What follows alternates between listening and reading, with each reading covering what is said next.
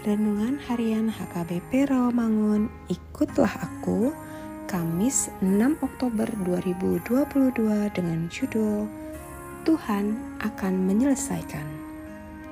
Bacaan kita pagi ini tertulis dalam Lukas 6 ayat 20 sampai 26 dan bacaan kita malam ini tertulis dalam Obaja 1 ayat 1 sampai 16 dan kebenaran firman Tuhan yang menjadi ayat renungan kita hari ini ialah Mazmur 57 ayat 3 yang berbunyi Aku berseru kepada Allah yang maha tinggi kepada Allah yang menyelesaikannya bagiku.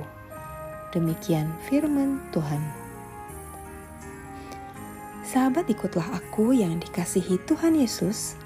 Ketika kita tidak menemukan pundak untuk bersandar, ada lantai yang selalu tersedia untuk bertelut.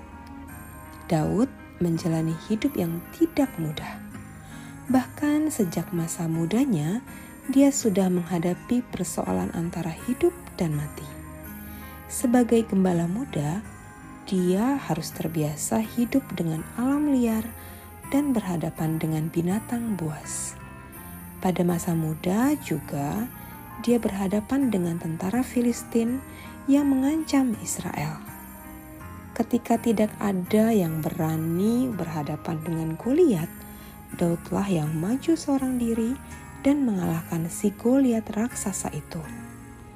Ketika Daud menjadi raja pun diangkat oleh Tuhan, hidupnya tidak lepas dari masalah-masalah besar.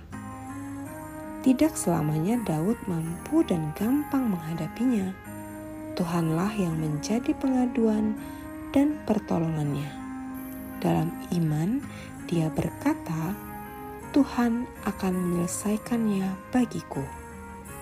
Sebagai manusia, ada saatnya kita mengalami rasa takut dan khawatir akan sesuatu yang sedang kita hadapi Mungkin kita sudah berupaya menghadapi, tapi tetap saja hati dan pikiran tidak bisa tenang.